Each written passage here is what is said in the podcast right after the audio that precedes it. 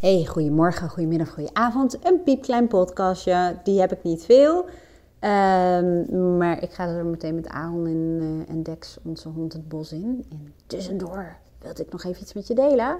Dat is eigenlijk een heel ogenschijnlijk simpele tip, maar wel heel belangrijk. Ik werk in mijn coaching echt enorm veel met taal. De woorden die je kiest, die zijn zo ongelooflijk bepalend voor ehm, hoe je je voelt. Uh, ook je je resultaten. Um, die kun je heel erg beïnvloeden door de manier waarop je denkt en dus ook de woorden die je gebruikt.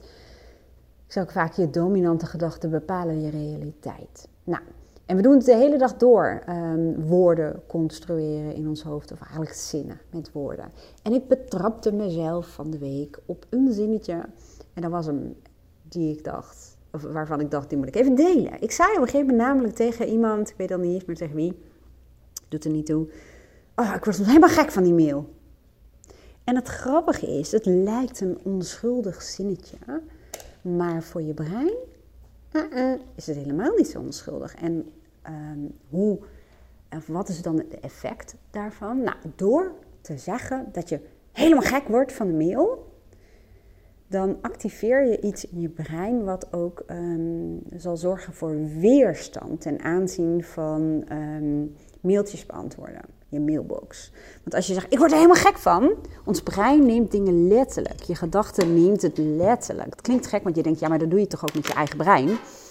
Ja, dat klopt. Maar ik ga dat nu niet helemaal uitleggen. Dat klopt inderdaad. Maar um, nou ja, laten we daar maar heel veel van wegblijven, want wordt het niet een piepklein podcastje.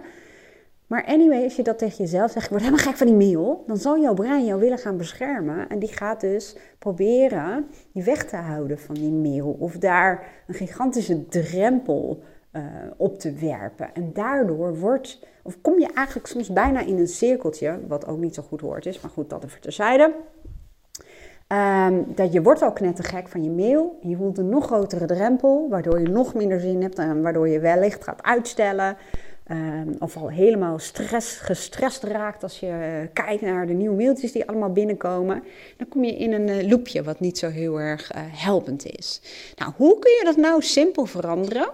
Door je woorden te veranderen. En in dit geval, wat ik zelf bij mezelf doe, ik wist al, ik hoorde mezelf die zin zeggen en ik weet wat het effect daarvan op kan, kan zijn. Dus wat ik toen tegen mezelf zei, is zoiets als: um, blijf bij de feiten. En door dat te doen, ik dacht, ja, maak het feitelijk. En in mijn geval was dat, er is gewoon mail. Punt. En het klinkt een beetje gek. Hè? En ik, ik, doe dan soms nog wel meer mee, maar ehm, in dit geval niet. Het gaat er gewoon om dat je wat je zegt, dat je dat feitelijk maakt. En in dit geval uh, ik word helemaal gek van de mail, is absoluut niet feitelijk. De, de feitelijke situatie is dat er uh, bijvoorbeeld uh, 20 ongelezen mailtjes in je inbox uh, zitten. Dat is het feit. En de betekenis die je eraan toe kent, is: ik word er helemaal gek van. En ehm, door, door naar de feiten te gaan kijken, van het, het zijn 20 mailtjes, punt. Voor mij werkt dat al hoor. Maar goed, ik, ik ben natuurlijk in dat opzicht getraind. Ook um, door bijvoorbeeld de betekenis al te veranderen. Van er zijn twintig mailtjes. Ja, punt. Voor mij, ik hoef al niet meer verder te gaan. Maar je zou het verder kunnen doorpakken. Dat je dus een andere betekenis gaat toekennen. In plaats van, daar word ik dus helemaal knettergek van. Maar er zijn gewoon twintig mailtjes. En dan uh, te kijken wat zijn gedachten erover die helpender zijn dan dat je er helemaal gek van wordt. Nou, je wordt er namelijk niet helemaal gek van.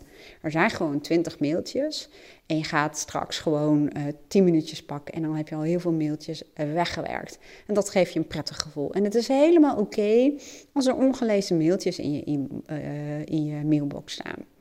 Je bent heel goed in staat um, om bijvoorbeeld in 10 minuten uh, heel veel mailtjes af te handelen en om even te kijken of er wat in zit wat uh, heel belangrijk is of niet.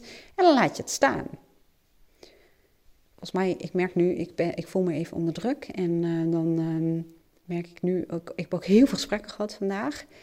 Um, en blijkbaar wil ik toch nog van alles lopen delen en doen. En dan merk ik dat ik toch niet zo heel erg helder uh, uit mijn woorden kom dan dat ik wilde. Maar ik ga hem denk ik toch publiceren. Want uh, ja, de boodschap is eigenlijk simpelweg: blijf bij de feiten. Als je jezelf uitspraken hoort doen die ik deed, ik word helemaal gek van huppeldepup. Ga naar de feiten. Waar, waar gaat dit over? En zo train je jezelf om wat genuanceerder um, te gaan denken. En dan merk je ook dat het echt een positief effect gaat hebben op je gevoelens en je emoties. Want je gevoelens en emoties zijn reacties op je gedachten. Het zijn chemicaliën, om het, zo te zeggen, in je lichaam.